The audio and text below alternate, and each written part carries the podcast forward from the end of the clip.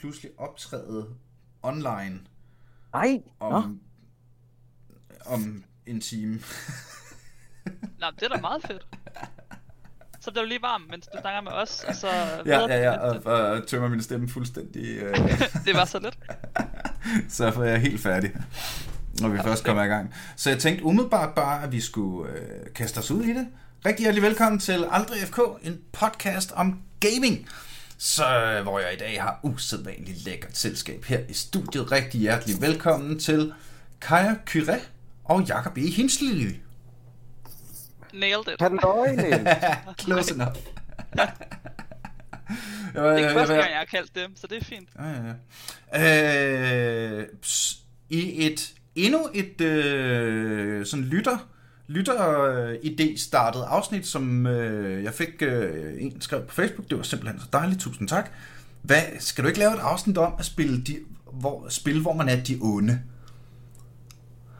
Og så var der noget med Jakob til at starte med, at du har udtalt tidligere, at du ikke kan lide at være de onde.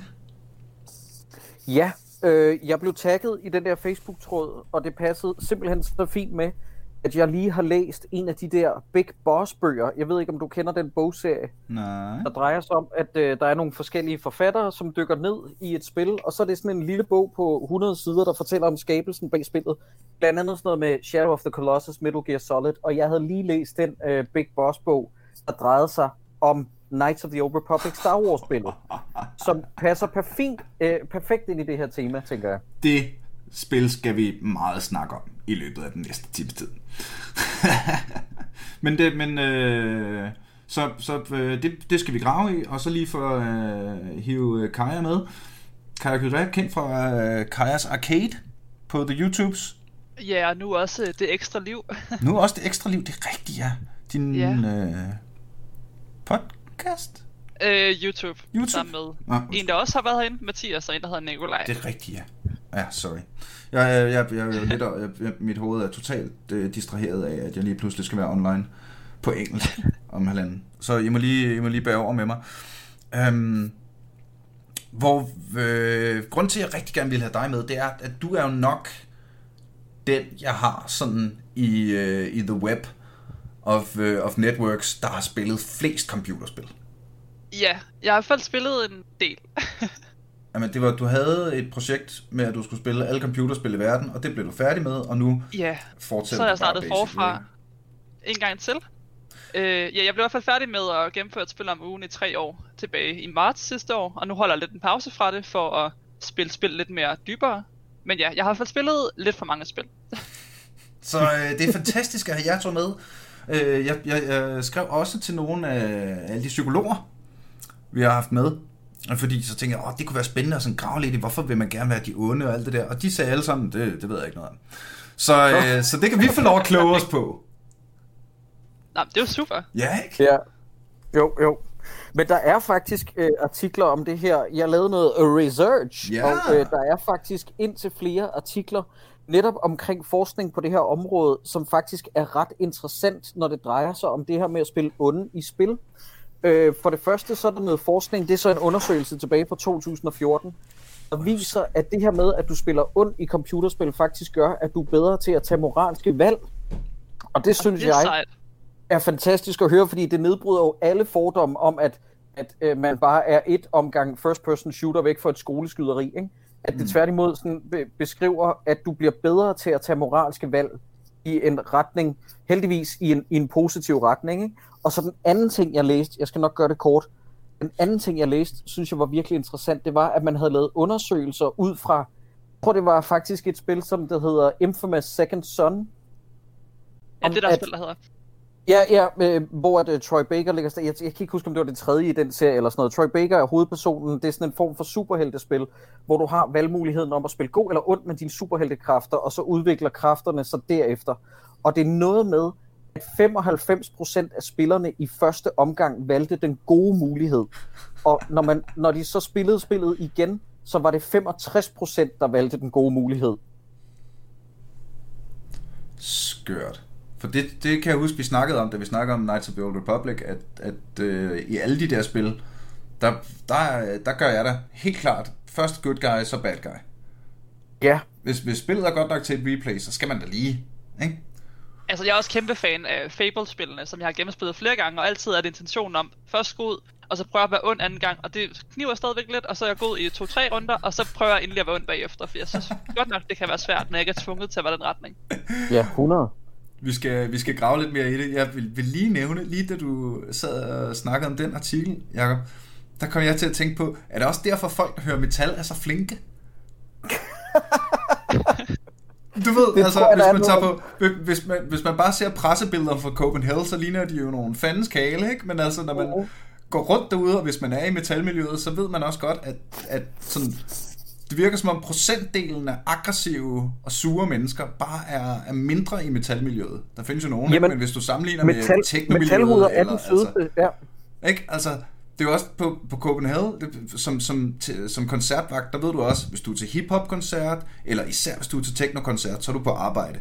Hvis du er til Mm. metal-koncert, så er du til metal-koncert, med en vest på, ikke? Altså, okay, Jo. der, Der måske... skal nok være nogle artikler omkring det. Det er helt sikkert. Åh oh, ja, det, fik jeg, bare- det kom jeg bare lige til at tænke på. Øhm, men øh, jeg er jo også øh, jeg er jo rollespiller, det ved jeg, du også er, Jacob. Spiller du rollespil, gør jeg? ja, det gør jeg. Fordi øhm, der er jo også noget i, i hele det der med at forsøge at udleve sider af sig selv, men ikke du ved, at, altså, jeg har da lavet Darius den racistiske paladin, Øh. og har haft vild griner med at spille med ham i, øh, i overvis, ikke? Men det gør det jo, det stiller det også bare mere, mere klart for mig, at det har jeg måske ikke lyst til i, øh, i sådan, når jeg, ikke, når jeg ikke sidder og ruller terninger. Nej, altså der er helt klart noget befriende i rollespil. I øh, gamle dage, da jeg lavede de, altså min helt spirende oplevelse med det, det var omkring efterskoletiden. Der skulle jeg jo altid være den store, muskuløse krigertype. Fordi det opfyldte den store fantasi, som jeg aldrig kunne blive i virkeligheden, fordi jeg er den spinkleste, blegeste, usleste skabning på jorden. Ikke? Men så endelig der, så kunne jeg opfylde den der fantasi, men, men som min alder har skrevet frem, med det rollespilscenarie, jeg har gang i nu, som jeg podcaster stille og roligt, øh, der, der, der har jeg valgt at spille for det første kvinde, øh, fordi jeg gerne vil udfordre mig selv, og øh, for det andet måske en kvinde med lidt morderiske intentioner. Men det vilde er, at jeg kan, ikke, jeg kan ikke lade være med altid at forsøge at dreje det lidt i retning af, at jeg gerne vil styre rollespillet i en positiv retning. Det, det, er, det er lidt noget af det, jeg er guidet af, og jeg tror simpelthen, at det kommer sig af, at jeg er opvokset. Nu ved jeg ikke, hvor gammel du er, Kaja, og Niels, du, vil, du, du er et par år yngre end mig. Jeg, jeg, jeg er opvokset på tv og computerspil. Det har altid været mit moralske kompas. Så det der med, at jeg sidder og laver noget, selvom det- at det er fiktionens verden, jeg har, det, jeg har det bare ikke godt med det, fordi jeg føler, at jeg er skabt af de her produkter. Jamen, jeg køber den, og jeg, og jeg er enig. Altså, Jeg det, tror, det kommer meget an på, hvad det er for en type spil, fordi Ja. ja. jeg har det meget på samme måde, fordi hvis jeg får valget, så retter jeg mig normalt over mod den, den gode, men hvis det er et spil, hvor det er, at præmissen er, at man er ond, eller diktator, eller whatever, så er jeg også inspireret af det, og sætter mig totalt ind i rollen, fordi nu er jeg blevet tvunget en rolle, som jeg egentlig synes er super fed, netop fordi det er et computerspil, og man er i den her, det her fiktive univers, så det synes jeg er ret interessant. Shit, det er lige gået op for mig, at jeg, jeg er primært med på at spille ond. Hvor er det dumt. Jeg kan, spiludviklerne kan bedre overtale mig til at være bad guy, hvis jeg får mekaniske fordele ud af det. Ja, ja, men helt klart. Hvis der er sådan en er eller anden mekanik med. Øh, Men må jeg stille jer et moralsk spørgsmål? Øh, øh, bare lige for at sætte en form for, øh, hvad skal man sige, øh, statuere et eksempel. Hvor var I med øh, småsøstrene, Little Sisters, i et spil som Bioshock? Harvestede I dem, eller befriede I dem? Åh, det synes jeg var svært. Jeg, øh, jeg startede på Bioshock, men stoppede, fordi jeg synes, stemningen var for uhyggelig. Okay, så jeg har ikke okay. nået så langt. Men jeg kender godt konceptet, jeg kender godt historien Ja, i det. ja. Jeg nok. mener, jeg mener, jeg vagtede lidt mellem, øh, hvilket jo egentlig er super interessant, når man tænker på hele, hele Bioshock-plottet. Ikke? Mhm. Øh, jeg mener faktisk, jeg, jeg, jeg switchede lidt. Ja, ja. At jeg sådan prøvede at starte med, at de, de er flinke, og det er små piger, og de skal bare reddes og sådan noget. Og så en gang imellem, så fik man et glimt af det der ultimate power. sådan, mm. okay, man kan da man kan godt lige spise en enkelt lille pige, hvis man nu altså, Men det er vel også ideen om lige at teste, hvad der sker, om der er en konsekvens ved det. Er det ikke meget det, der trigger en? Eller er det kun mig, der lige bliver sådan helt nysgerrig? Hvad sker der egentlig, hvis jeg dræber den her person her? mm, Og så lige saver inden, og så går tilbage, hvis det går helt galt. jo, jo, jo. Okay, nå, men det kan vi godt snakke om, fordi at det der, det har jeg gjort mere end en gang, men jeg har altid fortrudt. Jeg prøver også at lade være, fordi det ødelægger Ja, ja. historien og sådan noget. Ja. Men når jeg virkelig bliver nysgerrig på gameplay mechanics, så, så sker det en gang imellem. Nå, Men jeg blev nødt til at spille i, i en helt gal retning i et par timer i Fallout 3, bare så jeg kunne nuke Megaton-byen, Ja, og så sætte atombomben af, og så bagefter jeg havde set det, så tænkte jeg, det har jeg det dårligt med det her, jeg er blevet skingerne vanvittig, og så, så loadede jeg, og så øh, omrokerede jeg lige tre timer spilletid. Men en gang imellem, så bliver jeg nødt til at teste, det er fuldstændig rigtigt. Der, jeg vil gerne se små oplevelser, sådan nogle, sådan nogle mikroplots vil jeg gerne se en gang imellem udvikle sig i en ond retning. Jeg, har det, jeg føler dog stadigvæk, at jeg snyder verden, når jeg gør det der med at gemme og gå i en retning. Så jeg er begyndt at gøre mere af det, fordi så snyder jeg ikke helt. Jeg lige googler bagefter. Hvad sker der, hvis jeg vælger det dårlige? Og så, Ja. jeg har valgt det, jeg gerne ville og sådan noget, men fordi at øh, alternativet er så spændende, det der uvisse univers, som man aldrig fik søgt. Og det har jeg det sådan lidt, øh, det kunne også have været fedt. Ja, ja. Men ikke det rigtige. Jeg, øh, jeg synes igen, det afhænger meget af spillet, fordi da, altså, ja, øh, Fallout 3 og Megaton, og så tilbage til Knights of the Old Republic, Mm. og øh, den der ting, du kan gøre med dine companions, hvis du har valgt Dark Side. Mm. Jeg synes, det sidste spillet. Ja, da jeg... Altså, jeg har jo gennemtævet Fallout 3 i, øh, med, med tusindvis af forskellige characters. Der var selvfølgelig en af dem, der skulle ondt på et tidspunkt, så skulle jeg da også prøve det der, ikke? Jeg havde det sådan, da jeg sprang Megaton i luften i Fallout, der havde jeg det sådan lidt... Jeg har været rigtig uartig. så lille, jeg havde sådan lidt gremlin. og det er også, det er mere happy-go-lucky i Fallout, ikke? Fordi så kommer Jo. du tilbage, og hvad, så er de ikke døde alle sammen, og så sheriffen, han er der stadig, han er bare blevet til en gul og sådan noget, og altså, okay, så var det ikke værre, vel? Nej, nej. Men, men jeg har stadigvæk en knude i maven den dag i dag, over at jeg fik, nu er det, åh, det- Jacob, det er dig, der kan huske navnene på de to NPC'er. I, uh, Twi'leken hvad og, en- og Wookieen. Altså i Knights of the Old Republic? Ja, Ja, øh, altså der er, øh, jeg kan ikke huske, hvad de alle sammen hedder. Øh, der er øh, Caster What's His Face, og så er der øh, Bastila, hende den kvindelige Jedi. Jeg kan ikke huske, hvad Wookiee'en hedder. Nå, det der i hvert fald sker, hvis man, øh, hvis man, altså det er jo sådan i Knights of the Old Republic, at jo mere, altså der er du jo kliché ond, ikke dark side ond. Altså sådan noget springe planeter i luften og, øh, og force choker. Og jo mere dark side du er, jo mere skade giver din force lightning, som er jo det, der er grineren. Ikke? Fordi force lightning. Øh, så du gør sådan en masse mega kliché dark side ting, myrker, altså myrder spædbørn og øh, dolker folk i ryggen, og altså alt, alt det onde, du kan. Og det sidste med, du kan gøre dark side quest-agtigt i det spil, det er, at du kan mind-controlle en af dine companions til at myrde hendes bedst, hans bedste ven, som ja. er en anden af dine companions, som er de første, du samler op i hele spillet, og som bare har været igennem dig tygt og tyndt. Og, du, og det er sådan en historie med en, en, en lille Twi'lek pige, der har reddet en Wookiee en gang, og nu er Wookiee i livsgæld til hende, og de, nu er de blevet bedste venner og rejser ud i universet sammen, og du har brugt altså adskillige øh, vil jeg sige, timer, men du har brugt lang tid på at høre de, den meget velskrevne dialog, og det er nogle, det er karakterer, hvor du tvinger Wookiee'en gennem evil Jedi mind powers til at myrde Twi'leken med dens bare næver, og du ser bare, Ja. der, er sådan en, der er sådan en scene, hvor du bare hører, no! altså, det, det øh, der, der, er der er jo forskel, det er bare for at sætte den op, der er virkelig forskel på, hvordan, øh, altså hvor langt de tager den, Ja, ja, man spiller ja, ikke? fordi det der eksempel, du kommer med der, det er modsat Fallout 3, der vil jeg give dig ret i, at det ender jo nærmest i tegnefilm. Men det der, det, det er jo, øh, altså, så selv Darth Vader, han vil sige, okay, wow, det var måske lige lidt over kan grænsen, lige ikke? slappe lige af, Ja. ikke? Men jeg synes, det er fantastisk med lige nøjagtigt Knights of the Old Republic. Øhm, og, og vi skal vel komme med en lille øh, spoiler-disclaimer her, hvis man ikke har spillet det her mesterværk af et spil, også selvom det er snart efterhånden allerede 20 år gammelt. Ja, ja. Men, men Fuck. vi bliver bare lige nødt til at sige det, men, men kort fortalt, det, der er det geniale ved det spil, det er jo, at du spiller som en goody two-shoes Jedi. Altså, du rører lige ned i det, som jeg øh, øh elsker at spille spil for. Jeg får en varm, sige, feeling indvendigt, når jeg gør det godt. Jeg tjener noget XP, det hele går fint. Så får du at vide, hen imod slutningen af anden akt, at prøv lige at høre her, det er faktisk dig, der måske er den største Sith-fyrste nogensinde. Der synes jeg, spillet lige nøjagtigt er genialt, fordi at den, sidste tredjedel af spillet, det er der, hvor du virkelig kan vælge en ekstra gang. Skal jeg nu begynde at trykke speederen i bund og bare gå ned ad the dark side, ikke? Og jeg spillede det spil fra start til slut af tre omgange. Faktisk lidt i forbindelse med det der, som Kaja siger.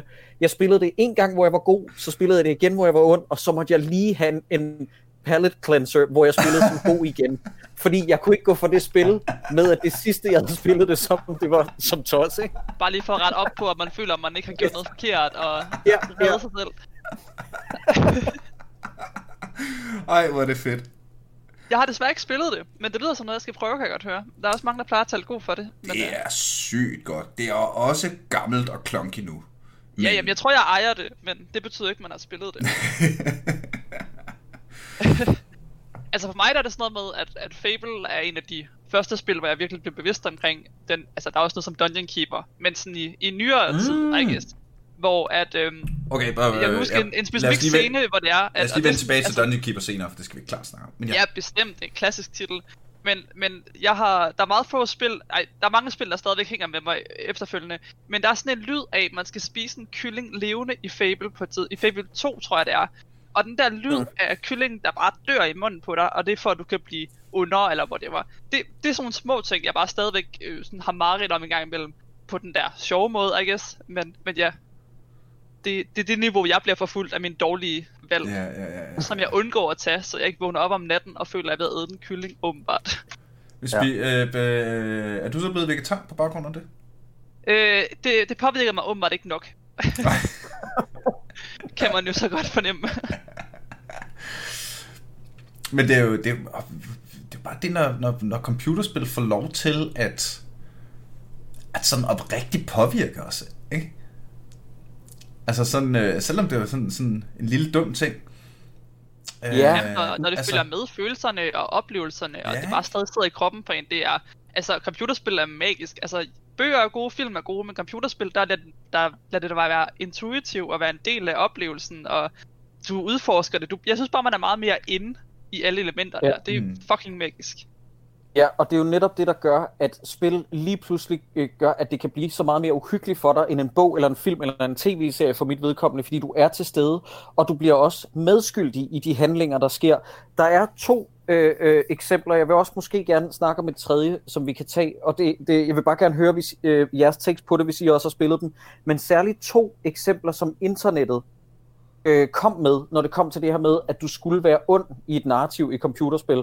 Og I kan nok gætte den ene, det er No Russian missionen for Call of Duty Modern Warfare.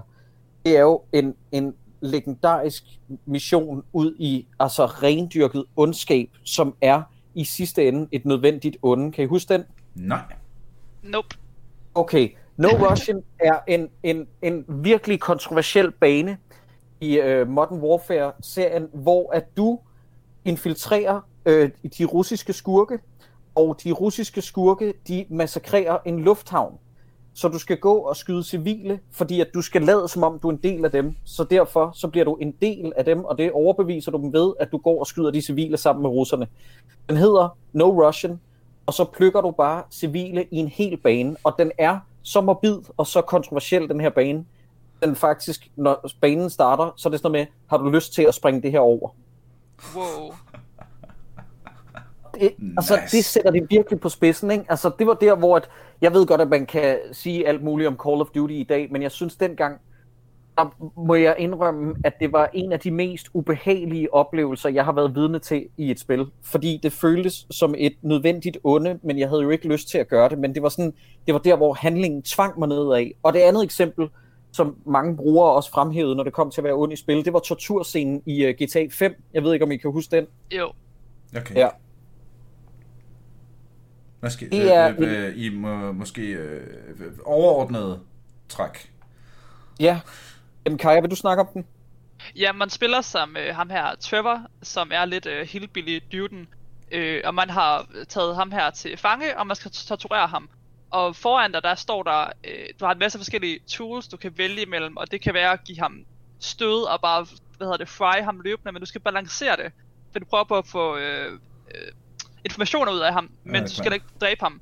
Og du kan rive tænder ud af ham, og det er meget, meget grafisk og visuelt, og det er virkelig en intens scene, men de formår at gøre det underholdende, trods at man er sådan lidt splittet med det, man gør, føler jeg. Ja, Totalt ja. vellykket scene. Altså, den, den er virkelig, virkelig vild. Den, den skabte nemlig også meget debat, og jeg tror, at det er ekstra lag til satiren i GTA 5, fordi det er jo GTA. Det, øh, ret mig, hvis jeg tager fejl, Kaja. Jeg mener, at det, man finder ud af efterfølgende, det er bare, at han har siddet og lukket lort ud. Han har, han, han har ikke rigtig hjulpet dig. Så du plukker bare en eller anden til det her, fordi, fordi du skal have information ud af ham, så han kan give et signalement om en, der er til en fest, som en anden figur, Franklin, så kan snipe, så vidt jeg husker. Jeg mener, at hele pointen med den sekvens, det er, at han bare har sagt et eller andet.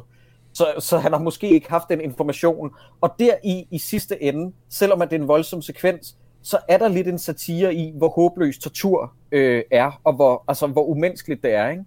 Ja, også fordi man bare virkelig, man, man kan mærke på karakteren, okay, det er fucking ikke fedt det her.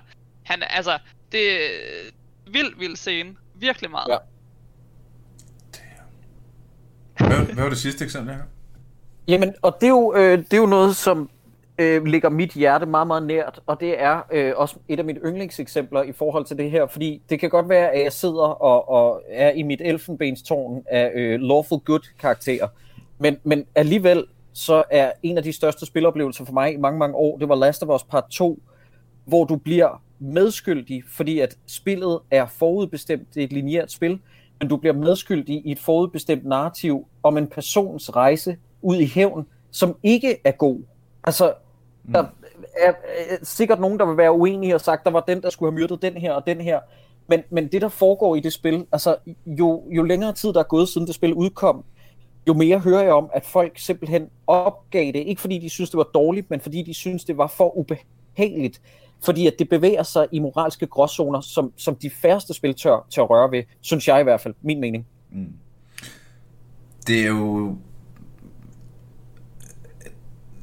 Det er jo hele ideen om de onde, der i virkeligheden nok ikke findes. Ikke? Der er jo... Øh, øh, jeg, har en, jeg har en bid fra mit nye show, som handler om, øh, at jeg øh, blev mindblown af at se en, en, en dum lille Facebook-video med en tidligere CIA-agent, der efter 10 år som undercover i Mellemøsten havde en meget, meget simpel pointe, som var Everybody believes they're the good guy. Ja. Det er sådan, når man kører bil. Ja, ikke? Det er altid, og når man spiller, når, det er ligesom, når man spiller League of Legends. Ja, Det er altid de andre, der skal. ikke? Øh, hvad hedder det? Øh, øh, fordi øh, det er, øh, jeg overvejer, om jeg skal sige den højt nu. Nej, skid med det. Men det var bare for at sige, at der er jo ligesom, der er to forskellige slags spil, hvor man spiller de onde. Mm. Fordi spørgsmålet er, om man spiller de onde, som i kliché, altså øh, Dark Side, øh, øh, Murder Baby er til højre og venstre, eller om du spiller kliché, de onde, som i Dungeon Keeper for eksempel. Mm. Men der er vel også en tredje, hvor det er kontrasten, at du er den onde set fra de andres perspektiv. Ja, men jamen, det var, det var egentlig, jeg, jeg tror egentlig, det var den, jeg prøvede, at- prøvede at fiske efter. Ja. men, men ja, fordi at jeg, jeg har ikke spillet så mange, altså jeg har for eksempel ikke spillet Last of Us og sådan nogle ting. Det ved jeg godt er en fejl, det er ikke det, vi skal ind på, men jeg spiller jo mange af de der øh, små spil, og jeg blev totalt intrigued, da du spurgte mig omkring det her emne her, for jeg gik totalt ned, og hvad har jeg spillet af sådan nogle spil? Og der er mange spil som Dungeon Keeper, som tager emnet, ikke, altså Dungeon Keeper er ikke et seriøst spil på nogle punkter, og der er mange, der leger med det her om at være den onde, Mm. men på sådan en let måde, og det synes jeg egentlig er, er super sejt, at Mm. at det, det bliver en, altså det bliver en meget, meget sjov, øh, øh, casual, light, øh, Ja, lige præcis. ja, hvad, åh, hvad er det, det hedder? Er det ikke Overlord, det hedder? Jo, det er Jo, også super det var sjovt. Det er meget ja. ja. Pikmin-agtigt. Ja, hvor du er sådan helt... Øh, øh, Kontrollere dine minions Ja, ja, og tegneserie ikke? Ja, Altså. det er super fedt som i virkeligheden er, er meget mere... Øh, det, det er meget mere puzzle i virkeligheden, ikke? Og jeg spillede øh, øh Blackguards, Blackguards 2'eren som er også var sådan en lille bitte øh, sådan et, øh, kortspil i virkeligheden, hvor du øh, hvor du hvor øh, så bygger du dit, så vælger du nogle ting i historien, og så bliver dit dæk bygget ud af det, ikke? Og så er der nogle slåskampe og sådan noget. Øh, lille, meget hyggeligt, ret velskrevet spil øh, af, hvad det var. Men det havde i virkeligheden sådan en ret grineren storyline, hvor du får at vide, at du var den onde dronning, øh, og du er blevet øh, sparket ud af, af alle dine venner og good guys og familie, der endelig har gjort oprør mod den onde dronning, og nu starter du nede i sølet, hvor de troede, du var død, men du klarer, klatrer ud og finder en dæmon nede i sumpen, som hjælper dig videre, øh, og sådan noget, ikke? Og, og du er meget ond, øh, og du starter lige med at brænde en by af. For, for, øh. Men så, jo længere du kommer ind i spillet, så bliver de her good guy karakterer, der har sparket hende ud, en for en bare mere og mere afsløret som værende altså i virkeligheden nogle meget mere kæmpe store bad guys, sådan, altså oprigtige bad guys, ikke øh, og så til sidst, så får man sådan, en, så man, så man starter spillet med sådan en, ja, nu er jeg den onde øh, dronning nede fra, fra sølet, der er kravlet op, og mit ansigt er helt smadret, ah, nu skal vi ud og bare lave ravage. Og så længere længere du kommer ind i spillet, så er du sådan lidt, jeg er nødt til lige at tæve ham der, han virker som en oprigtig nar, mand. Skal, skal der have nogle klø? Ja. Det er fedt, når spil får en til at løbende ændre holdning i forhold til udviklingen. Det er super ja. sejt. Ja, ja, og jeg vil faktisk sige, og der er ikke mange, der havde regnet med, at vi skulle bringe det her eksempel op, fordi at jeg ser det som et meget todimensionelt spil, næsten endimensionelt. Men det er jo også lidt det, der gør, at det var så tilfredsstillende at myrde hele det græske gudbillede i God of War, hvor du starter med at være en skingrende tosse, så lige så langsomt så finder du ud af, at alle de der guder også er modbydelige, og lige pludselig er der en tilfredsstillelse i at dræbe Zeus, ikke? Øhm, og det, det synes jeg er virkelig interessant, fordi det bringer mig lidt til den pointe, jeg har med, at, at jeg synes jo, at Rockstar, så de skal roses for, for med alt det øh, øh, talent, som de har, og alle de værker, de, de, øh, de udgiver, fordi der er nærmest ikke en finger at sætte på dem teknisk. Men jeg har jo det problem, og det hele kulminerede ligesom der, hvor jeg tænkte sådan, okay, nu har jeg fået nok af GTA, og det var med femeren, fordi femeren var for mig ligesom sådan, det var et eksempel på, jeg tror, hvis man skal altså virkelig dykke ned i det spil, så kan man måske godt finde nogle måske kvaliteter ved Franklin, men Michael synes jeg ikke er særlig fed, og Trevor er jo altså fuldstændig out of this world vanvittig, ikke? Ja. Øh, og, det, og det testede virkelig sådan min tålmodighed, og det var derfor, jeg havde det sådan, at den egentlig rigtige slutning i GTA 5, der er jo fire eller tre forskellige slutninger. Den egentlige rigtige slutning i GTA 5 for mig, det er den, hvor at Michael og Frank, de skiller sig af med Trevor, fordi han er en liability. Øh, fordi han er, han er simpelthen for voldsom. Og jeg tror, det der er, eller i hvert fald for mig øh, med sådan nogle spil her, det er, når du er inden for kriminalitet, når du er inden for mafiaen, når du er en del af de i gåseøjne onde, så bliver du nødt til at være den mindst onde i den her forsamling. Det er derfor, jeg synes, at øh, Red Dead Redemption 2 er deres mest modne spil indtil videre. Fordi Arthur Morgan er, han er kriminel, ja, men han har fandme hjertet på det rette sted. Og hvis, hvis Rockstar havde lavet Red Dead Redemption 2 på det tidspunkt, hvor de lavede GTA 5, så ville Micah for eksempel også have været en spilbar karakter. Øh, og det havde gjort, at jeg havde haft sådan lidt ubehag ved at spille det. Øhm, og, og, og jeg siger ikke, prøv at høre, folk skal spille lige nøjagtigt sådan, som de har lyst til, men nu taler jeg bare ud fra mit personlige perspektiv om, at jeg kan godt mærke, at det, det rører så meget ved mit moralske kompas, at jeg nogle gange bliver utilpas, især med Trevor-figuren i GTA. Ja, for fanden. ja. Men er det, åh, men det, øh, mangler GTA egentlig en, en øh, mangler GTA muligheden at spille det igennem som light side? Jamen se, det, det vil jeg jo mene, at det gjorde. Altså, du behøver jo ikke lave en figur, der er anderledes end dem, men der burde være et story outcome med nogen, der gerne vil ud af den kriminelle branche snarere end ind. Jeg synes, hele problemet ved storyline i GTA 5, det er, at det virker som om, at Michael han keder sig lidt, så han ryger tilbage i den kriminelle løbebane. Trevor er tosse, så han ved ikke bedre. Og Franklin han vil bare gerne købe en bil, så han tror også, at kriminalitet det er vejen frem. Ikke? Og jeg, jeg savner et svirp med halen, der lige siger, det her det er ikke vejen frem. Og det er det, det, er det jeg mener med, at, at Red Dead Redemption 1 og 2 er en mere moralsk fortælling, hvor at igen, jeg synes, at jamen, der er et eller andet ved GTA 5, der simpelthen ikke huer mig. Igen, folk må spille det lige så tosset de vil og køre øh, NPC'er ned i vilden sky øh, på gaden, fordi det er bare et computerspil. Men, men Det jeg siger se. bare i forhold til... Hvad, øh, hvad siger du? Det fik jeg bare til at tænke på, når jeg spiller Cyberpunk, Ja, hvor jeg virkelig, virkelig prøver at være good guy, men jeg kan ikke styre den forpulede bil. Det var ligesom, da jeg spillede Red Dead Redemption 2, fordi det er en ufattelig velskrevet historie, og man prøver virkelig at, at gøre det godt. Det gør jeg i hvert fald. Men jeg blev ved med på min Xbox-controller og sigte folk med en fejl dem og sådan noget. Jeg prøver, Ja. nej, jeg vil bare prøve at hjælpe dig. Jeg prøver på at række hånden ud, og så dræber jeg dem, og de bliver sure, og de flygter, og jeg bare sådan, så går jeg. Altså, det kan jeg jo ikke, det her. Ja. Jeg har, jeg, har, jeg har opfundet sådan en historie med, at vi er en pisseflink fyr, men han er bare en sygt dårlig bilist.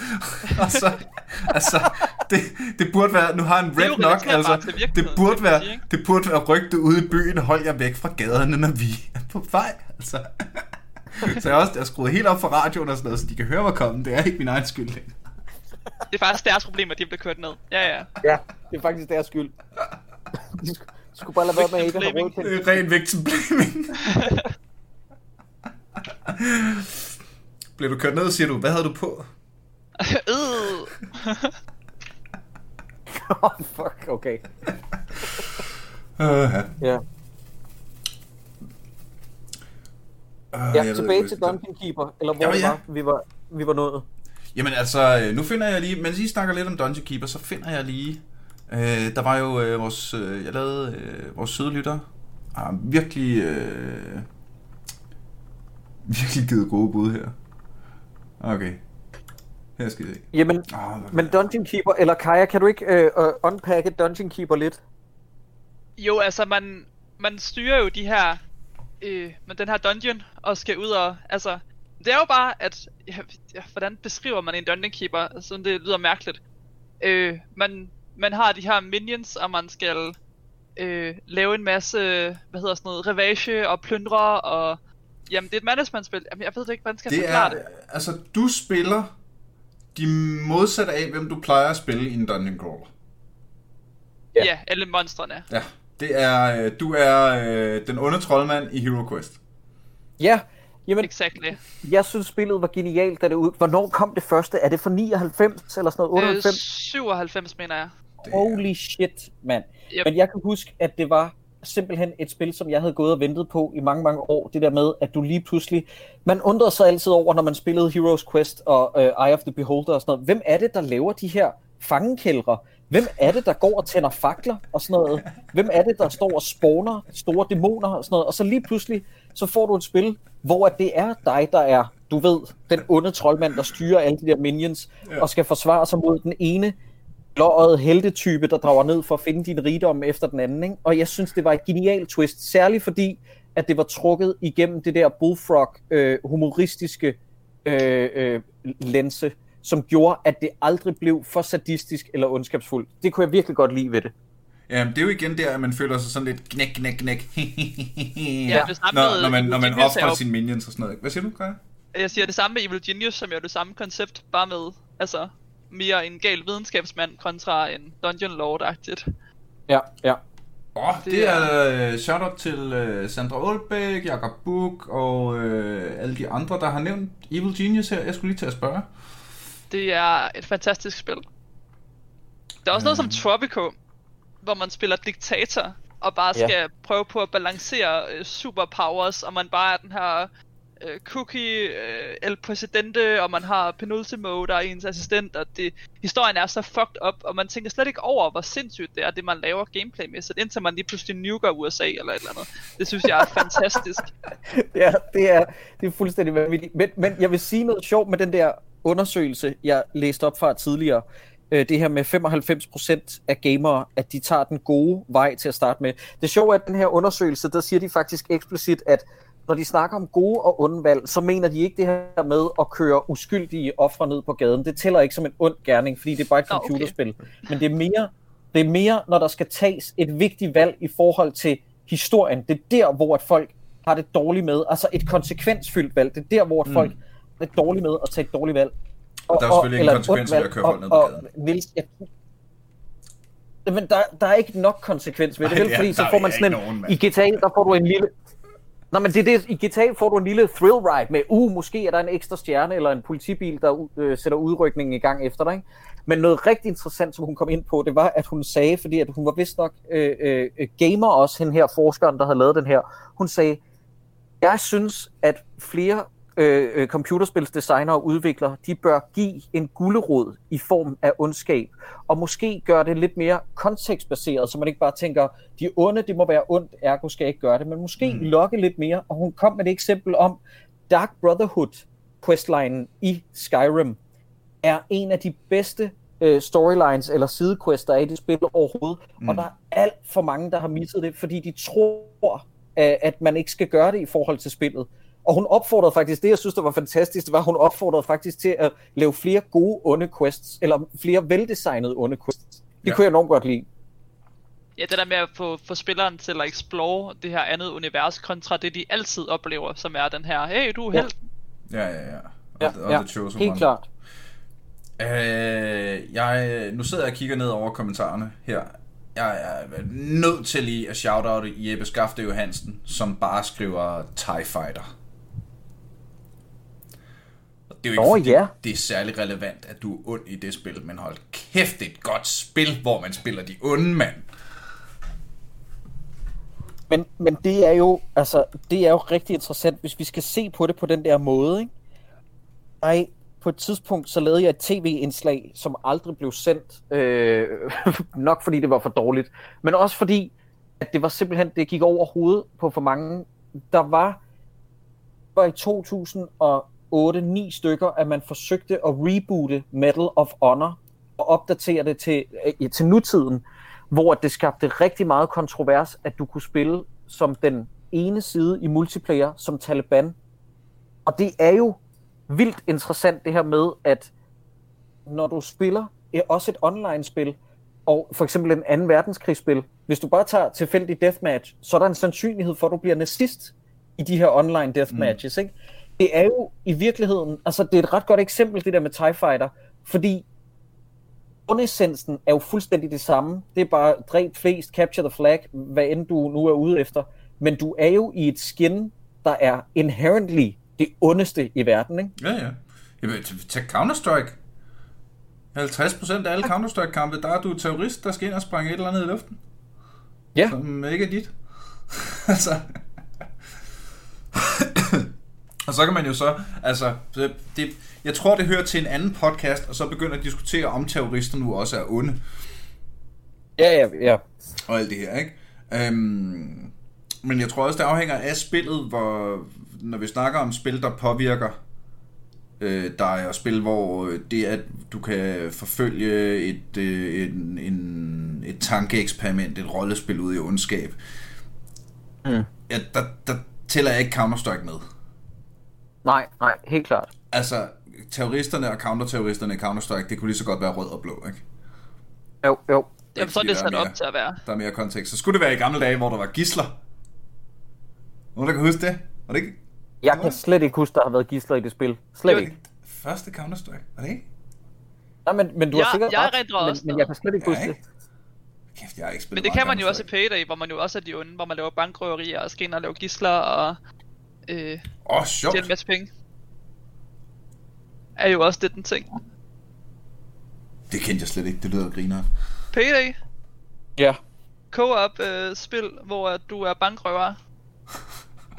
det er mega sjovt. Må jeg, komme med et, må jeg komme med et andet eksempel på noget, der virkelig har sat spørgsmålstegn ved mit moralske kompas på den fedeste måde, og det er derfor, jeg elsker spil det er et stille og roligt spil, øh, som blev remaket altså, til den store guldmedalje af Bluepoint Games for nogle år siden, nemlig Shadow of the Colossus. Og umiddelbart, så sidder man og tænker, øh, hvad fanden er det, du rappler om, Jakob? Men, men det spil har en genistreg i og med, at du ankommer i det her spil, Shadow of the Colossus, som i en anden Zelda-verden til, altså det er nærmest et ordløst eventyr. Du ankommer til en kæmpe stor dal, og du har øh, din, din døende, hvad man må antage af hovedpersonens love interest i armene, og du får at vide, at den eneste måde, hun kan overleve på, det er, hvis du dræber, jeg tror det er 18 gigantiske kolosser, altså sådan noget, der fungerer essentielt set som kæmpe bosser, ikke? rundt omkring i den her verden. Og det fede ved det her spil, det er, at at der går noget tid, før det egentlig går op for en, hvad fanden er det, jeg har gang i? Fordi de her kolosser, de render bare rundt og hygger sig. De begynder kun at slås med dig for at forsvare sig, når den her tosse, som spilleren er, kravler rundt på dem og stikker sværet ind i ansigtet på dem og sådan noget. Ikke? Det er derfor, jeg synes, at Shadow of the Colossus er et moralsk mesterværk, fordi at man føler sig sådan, man føler sig, nej, må jeg snakke om et andet spil også? Har I spillet Ja, ja. Spec Ops The Line? Hvad, hvad siger du? Spec Ops Spec Line, nej. Ops. Nej. Nej, okay. Spec Ops The Line er fucking genialt, når det kommer ud i lige nøjagtigt det her. Det er et krigsspil, som er en viderebygning på den gamle øh, militaristiske øh, franchise, der hed Spec Ops. Mm. Men så lavede de et spil, der hed Spec Ops The Line, hvor at du er øh, tre soldater, der ankommer til et, ja, meget aktuelt, Dubai, mener jeg det er. Og det her spil, det udmærkede sig ved, at det indførte, jeg tror det var fosforgranater. Der er sådan en scene, hvor at du bomber fjenden med sådan nogle fosforgranater, og så finder du ud af, at fjenden har gemt sig inde i et civilområde, så du også har dræbt tonsvis af civile. Og det gør, at hovedpersonen, han bliver skør, altså han mister forstanden.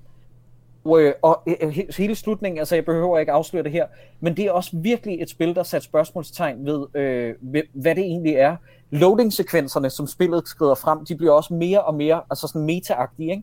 Der, når du har dræbt alle de der civile, så begynder loading-sekvenserne, så kommer der sådan en tekst op, sådan noget med, do you feel like a hero yet? Altså, virkelig sætter spørgsmålstegn ved, hvad fanden er det, du har gang i? Ja, det er så fedt. Det er virkelig godt spil. Ej, hvor er det sejt, når de, når, når, når de tør gøre det ved os. Ja, ja, virkelig. Er der andre eksempler, Nils?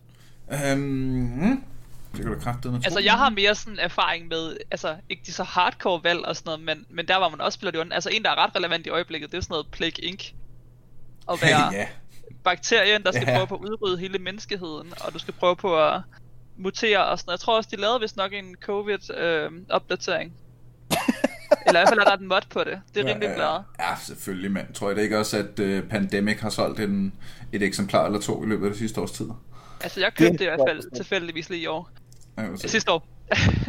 Øh, Mike skriver 50% af alle spil i Command Conquer-franchisen. Uh, ja. Ja, der er Bestemt. en... en øh, ja, altså... altså øh, øh, Søg? Ja. Og, og der, her tør jeg næsten engang våge pelsen. Hvor står du i forhold til Warcraft, Nils? Hvad mener du med, hvor jeg står? Hårdt eller Jamen, Alliance. Jamen, Åh. oh. er, man, er man ond, når man er hårdt? Det er man jo nærmest ikke engang. Det er jo igen perspektivet, man ser det fra. Nej, Ja, ja. nej, det er man ikke. Nej, vel? Det er man ikke. Man er ond, når man er undeads. Ja. Er der, er der noget sted, og det her, det, det, det kan godt være, at I synes, nu bliver det lidt for føle-føle, styrter Jakobs spørgsmål. Men er der, er der bring noget sted, hvor, hvor I synes, at spil er gået for langt, øh, og de er blevet for moralsk forkastelige, og her tænker jeg især på Hatred. Kan I huske den historie? Nej. Nej. Øh, Hatred er et øh, isometrisk øh, actionspil, øh, som handler om en tosse, som øh, får konstateret dødelig kraft, tror jeg det er. Og så øh, går han ud, og han beslutter sig for at dræbe så mange uskyldige som muligt, inden han dør. Og så handler spillet bare om, bane efter bane, om at massakrere civile, øh, øh, indtil du har gennemført spillet, og så dør han af naturlige årsager. Ikke? Og det var et spil, der, det, der skabte så meget kontrovers, at det blev trukket for Steam, fordi, og jeg kan ikke huske, om det her det er uden fortilfælde, og i så fald, pardon, men det var første gang, mener jeg, at Valve, øh, øh, og det kan godt være, det ikke var sidste, men jeg mener, det var første gang, at Valve tog et valg om, at der var moralsk, det var moralsk forkasteligt at have det spil på deres platform. Altså, det ligger stadig på Steam, kan jeg se. det kom tilbage, det kom tilbage på Steam. Nå, men tak for det. Det er nemlig rigtigt, at, at de ændrede mening, fordi der var så hårdt pushback på, øh, på Hatred, at det blev fjernet. Altså, Og de har gjort det med, med et øh, sådan semi pornospil på et tidspunkt, hvor folk også blev sure. Jeg tror, det var det House Party eller sådan noget. Så de har Ja. ja. fjernet, på grund af at valgene har været for grænseoverskridende, synes man. Men så blev folk sure, og så kom det tilbage igen. Øh, Ja, ja. jeg var også den der rape simulator. tænke-? Der var også en rape simulator, som jeg ikke kan Øh. huske, hvad hedder, som, som blev fjernet for et par år siden, og jeg ved ikke, om den er kommet igen. Men, men se, se, lige præcis med det der tilfælde, ikke? der har jeg det sådan, tror I, at der sidder fem programmører og tænker, Michael, det her vi laver, det har kunstnerisk værdi. Når man sidder og udvikler sådan noget. Det, altså der, der synes jeg næsten ikke, det kan forsvares. Øh, men, men, men altså, for at gå tilbage til det der hatred, øh, det, det er ikke første gang, at det skete. Jeg kan huske, at der kom et spil i uh, midt-90'erne, der hed Postal. Ja, det tænker jeg, så jeg også lige at tænke på. Ja, ja. Som jeg også skabte øh, furore. Øh, men man det, sige. ja, i min verden afhænger det meget af, hvordan de afbilder ondskaben. Fordi mens du lige Ja. sad og snakkede, kom jeg til at tænke på Carmageddon, Nå ja, der jo også var ulovlige i adskillige lande. Øh, Ja. Ud af heldigvis ikke her i frisiden af Danmark. Hold kæft, det synes jeg var sjovt, mand. Og, og shout-out. Jeg har lige fundet ud af, at man kan få det til mobilen. Carmageddon. Carmageddon findes til mobilen nu. Altså, det er sjovt. samme gamle, grimme grafik. Uh, styringen er ikke fantastisk, fordi det er mobilport, men hey, du kan spille Carmageddon på mobilen. men, men, der, men i Carmageddon, hvor, altså, der, der var det jo igen noget spilmekanisk fjollet, at du sådan, jo flere civile du dræbte, jo mere, mere bonustid fik du, ikke? Jo, jo. Altså, hvor det, hvor det igen, når det bliver... Jeg synes ikke, man kan... Jeg synes, det er, jeg synes, det er nemmere at forsvare, når det bliver gamificeret og sådan altså mekanisk gjort på en eller anden måde, hvor man godt ved, okay, det er fjollet, det er det, spillet handler om. Det synes jeg er, er, meget mere sådan... Altså, siger vi forsvarligt igen, der, jeg synes også, vi skal ud i sådan noget Rape Simulator, før jeg begynder at synes, at et computerspil ikke skal have lov at eksistere. Ja, ja. Uh, men altså, der er... Jeg ved, ja. Men det er jo interessant, fordi det er jo på samme niveau som med, med film. Altså, der er jo meget enkelte, der, der krydser grænsen, men det gør jo ikke, at der er mange øh, film, der er ikke baseret på en historie, der er forfærdelig, Mm. øh, som, som seeren skal opleve. Og det synes jeg da, altså, det er kun fedt, at videospil er med på det niveau, men selvfølgelig skal der være en grænse. Altså, ja. Ja, ja. Altså, jeg må indrømme, at Carmageddon har jeg spillet så åndssvagt meget i mine altså uforsvarligt unge år. Og, og jeg vil sige sådan, jeg kan huske, Niels, at, at jeg blev decideret vred, da jeg læste i mit gode gamle PC Player magasin, at spillet var blevet censureret i Tyskland, så der kørte man robotter ned, hvor jeg havde det sådan, så vil jeg hellere ikke have spillet det. ja. Fordi Det er jo ikke det samme. Så fjerner det blod. Nej, så er det lige pludselig ikke at køre robotter med grønt blod ned. What the fuck is this? Altså, det, det, det er netop det der med, når det bliver gamificeret i en sådan grad. Jeg kan huske, da jeg anmeldte uh, Burnout Takedown uh, til Troldspejlet, hvor at Jakob Stelmann spurgte mig sådan, undskyld Jakob, du vil have et spil med i Troldspejlet i bedste sendetid på DR, hvor det handler om at køre ind i biler hvor jeg blev nødt til at forklare ham sådan, nej, nej, nej, okay, når du siger det sådan, Jakob Stelmann, så kan jeg godt forstå det. Men, men, men det, er jo, altså, det er jo bare en fantasi, og det er jo ikke fordi, at der ryger lemmer til højre og venstre. Det er lavet på sådan en, en næsten klinisk måde. Ikke? Og, og det sjove er, når man er vokset op med spil, som vi er, i sådan en grad der, der skal virkelig meget til at ryske, ryste en ud af, af apatien i forhold til, at det bare er underholdning, hvis det giver mening. Mm. Men det er også fordi, man er vant til det. Man er blevet cateret ind i det stille og roligt, og så er det mere og mere blevet accepteret. Øh, acceptabelt i ens øh, mindset. Det samme med alle dem der... Øh, og PUBG og sådan nogle ting. Altså, det er jo bare masse mor, du går ind for lige pludselig. Men det er jo Mm. sjovt, det er underholdende. Det er jo bare... Der er nogle sjove danse, hvis det er Fortnite, ikke? Altså, men konceptet er jo brutalt på en eller anden måde. Ja, ja, ja. Ja, ja. Men fordi det er et spil, og man er vant til, hvordan et spil fungerer, så er det jo lige meget. Men øh, faktisk meget på på, du spiller også øh, League of Legends, Kaja. Du, øh, Jeg, du, jeg er desværre lige startet igen. du, øh, ja, ja, det lyder også Desværre. stakkels, det tager alt for meget tid. Stakkels Ja. dig. Øh, Jakob, du spiller ikke League of Legends? Nej, nej, jeg aldrig ved. gjort det desværre. Nej, nej, nej. Øh, ja, det behøver du ikke nødvendigvis sige desværre til. Et farligt hul, man ikke skal hoppe ned Nej, i. men det, der må du aldrig gå hen, Simba. Det exactly. Det er sjovt, ikke? Det er det spil, jeg har spillet flest timer i mit liv, og nok det spil, jeg bruger mest tid på stadigvæk, og jeg er stadig sådan, hvis folk, nej, der er ikke nogen grund. Altså, Du skal ikke starte. Du skal ikke... Nej. Men det er fordi, Nå. jeg havde en ven, der fik mig til at spille Wild Rift, og så blev jeg nødt til, at det er jo forkert at spille det sådan halvt på mobil, og så gik det galt. ja, ja, ja, men sådan er det jo. Mm. Men nej, nej, det er, det, er jo, det er jo et underligt dejligt spil, når man vinder. Ellers er det det værste spil i hele verden. Men der Ja. er jo også, øh, der er jo, der er jo 150 forskellige karakterer, man kan vælge imellem, der er lore forbundet med. Og der er også et, et, øh, et sådan kliché øh, bad guy land, som man kan komme fra, der hedder Noxus, og så er du farlig, hvis du er en af dem fra Noxus. Så er du øh, underfarlig, og store økser, og gift, og det ene og det andet, ikke? Men det giver jo 0% forskel, når du spiller League of Legends. Mm. Igen, Nope. fordi det bare er altså en, en, en, en, en lille forståelsesramme ind, og så, altså, jeg, når jeg spiller League of Legends, så ser jeg pixels og tal og Excel-ark. Altså, jeg, jeg går ikke engang op i skins længere. Altså, det, der er jo ikke noget i loven, der, der sådan øh, Det er jo 100% påvirker, gameplay, påvirker der, der er i spil. måde, Altså, ikke? lov Ja, ja. fuck lige meget i LoL. Det, det er fedt en gang imellem, når man øh, øh, lige starter et spillet, og man ser modstanderen for første gang, og så de to har sådan en, en øh, unik voice interaction. Ja, Det er meget, det er meget sejt. Sådan, ah, altså, jeg synes mere, det er fedt som sådan en lille øh, not til, at hey, der er en historie, eller en lille sådan easter egg nærmest, at Ja, der er ja, mere ja. til det. Men, men det er jo lige meget i forhold til spillet, hvor mange andre spil, de er jo baseret på de her valg, og altså, det er sjovt. Det kan noget forskelligt. øh, black and white? Oh, det er Ja, yeah, godt eksempel. Se, der begyndte jeg jo at få moralske skrubler, fordi man kan bitch-slappe ens avatar-abe. øh, hvor- det var noget, jeg aldrig havde troet, jeg skulle sige.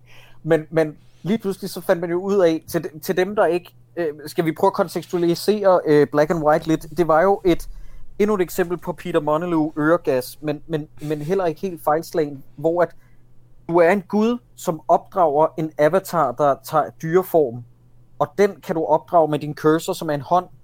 Og da jeg sad og spillede det første gang, jeg var ikke særlig gammel, der fandt jeg ud af, at hvis man tager cursoren frem og tilbage over dyrets ansigt, så giver man den lusinger. Og hvis du begynder at være, altså at ty til håndgivning for din avatar, så bliver den jo også mere voldelig. Det er et ret interessant koncept i virkeligheden. Det er jo i virkeligheden øh, en, øh, en større... Sådan, øh, jeg så et meme for nylig. Der var... Øh, Why do you think it's okay to hit children? Well, I got beat up and I turned out all right. Ja, ja, ja. But you still ja. want to hit children. Ja, men der, der, der er jo sådan et aspekt i børneopdragelse i det, ikke? Heldigvis så er det her jo bare øh, et fiktionslag, øh, hvor det ikke har øh, de der konsekvenser. Men jeg kan huske, at bare den der fornemmelse af, at jeg slår på pixels, det er, altså det gav mig en dårlig fornemmelse, ikke? Jeg tror altså også, at jeg er blevet mere sart med alderen, og jeg er blevet mere bevidst med det. Jeg, jeg kan huske, at da Mortal Kombat kom, og her kan vi med snakke om, at, at det er jo ren lol i dag, ikke? Men Ja, ja. jeg tror, man glemmer, at da det kom, der skabte det så meget ballade, fordi det virkede så realistisk, og det kunne bare ikke blive mere realistisk. Og når man ser det i Det dag, definerede jo hele genren, fordi det er netop øh, presset til alle grænserne, og det er jo fantastisk, Ja, ja. hvad det egentlig gjorde ved spilverdenen. Jamen, det, nemlig, men når man ser det i dag, er det jo grinagtigt, at man troede, at det der, det var fotorealistisk, ikke?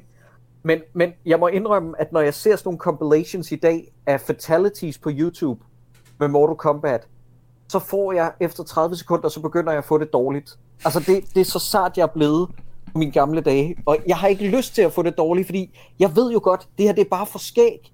Men jeg synes, det er ved at blive det er ved at blive for realistisk at se på, til jeg kan blive ved med at fortælle min hjerne, det her det er bare tegnefilm. Øh, måske, kære venner, at det skulle være den bombshell, vi lukkede på, fordi jeg skal være live på internettet om 10 minutter. Ja, ja. Og held og lykke med det. Lever på kant. Ja, for helvede, mand. Ej, men det er, det er, en helt, det, det, det, det er noget fjollet, mærkeligt noget. Øh, en oplevelsesdesigner fra Amsterdam, jeg kender, har lavet, skal lave en uh, online video, videopræsentation, der hedder The Future of Theater. Ja. Og så for to timer siden skrev han sådan noget. Hey, skal du ikke lide? Fuck, Nils for helvede. Der er en, der har hoppet fra. Nå, jamen, øh, jeg se, hvad jeg kan gøre. Og så redder Øh. du lige dagen. Hvad siger du? Og så redder du lige dagen. Ja, ja, ja, jeg skal ind og redde dagen. Og være good guy. Ha, og der var, der ja. var den. Der For jeg, for jeg kan ikke lide at være bad guy. Kan I mærke det? Har du lavet et, cirkel. et show endnu, der har et pun på Force Lightning og Forsberg? Har du lavet et show, der hedder Nils Force Lightning eller sådan noget? Øh, mit øh, første one-man-show, eller mit første optaget one-man-show hed øh, Use the Forsberg. Yes, yes, jeg vidste, der var noget. Ja, jeg kunne svagt erindre det. Dammit. Ja. Ja, det var det. Ej, jeg synes sgu, øh, meget kan man sige om mine shows, men de har fandme haft gode titler. ja Det er også det så gode titler. Øh, jamen, Kaja og Jakob, hold kæft, var jeg glad for, at I havde øh, lyst til at tage tid, og jeg føler, at, øh, at vi har mere på hjerte, men jeg har desværre nødt til at slukke nu. Øh, hvor var jeg glad for, at I havde lyst til at være med. Kaja, hvis Jamen, man skal følge lidt med i dit øh, gørne og, gørne og laden? Jamen, så er det øh, det ekstra liv på Facebook og YouTube i øjeblikket. Og Hvor jeg laver sjove videoer omkring spil og spilrelaterede ting, retro og nye ting. Sådan. Og øh, Jakob? Jamen, øh, jeg laver tonsvis af podcast, men jeg tror, hvis man skal have et fix, som drejer sig mest om computerspil, så skal man nok høre Handuro podcast. Vi starter op igen den 5. februar. Sådan, mand. Glæder mig, glæder mig til at høre det. I, øh, det er jo dejligt. Og øh, kære lytter, du, øh, hvis du vil have den sædvanlige smør, så hør lige et af de andre afsnit. jeg gentager lige det samme, men jeg kan ikke lade være med lige at sige højt. Tak til jer, der støtter på tier.dk. Shout out to my homeboys. Tak fordi du var med, og håber du lytter igen næste gang. Vi er aldrig AFK.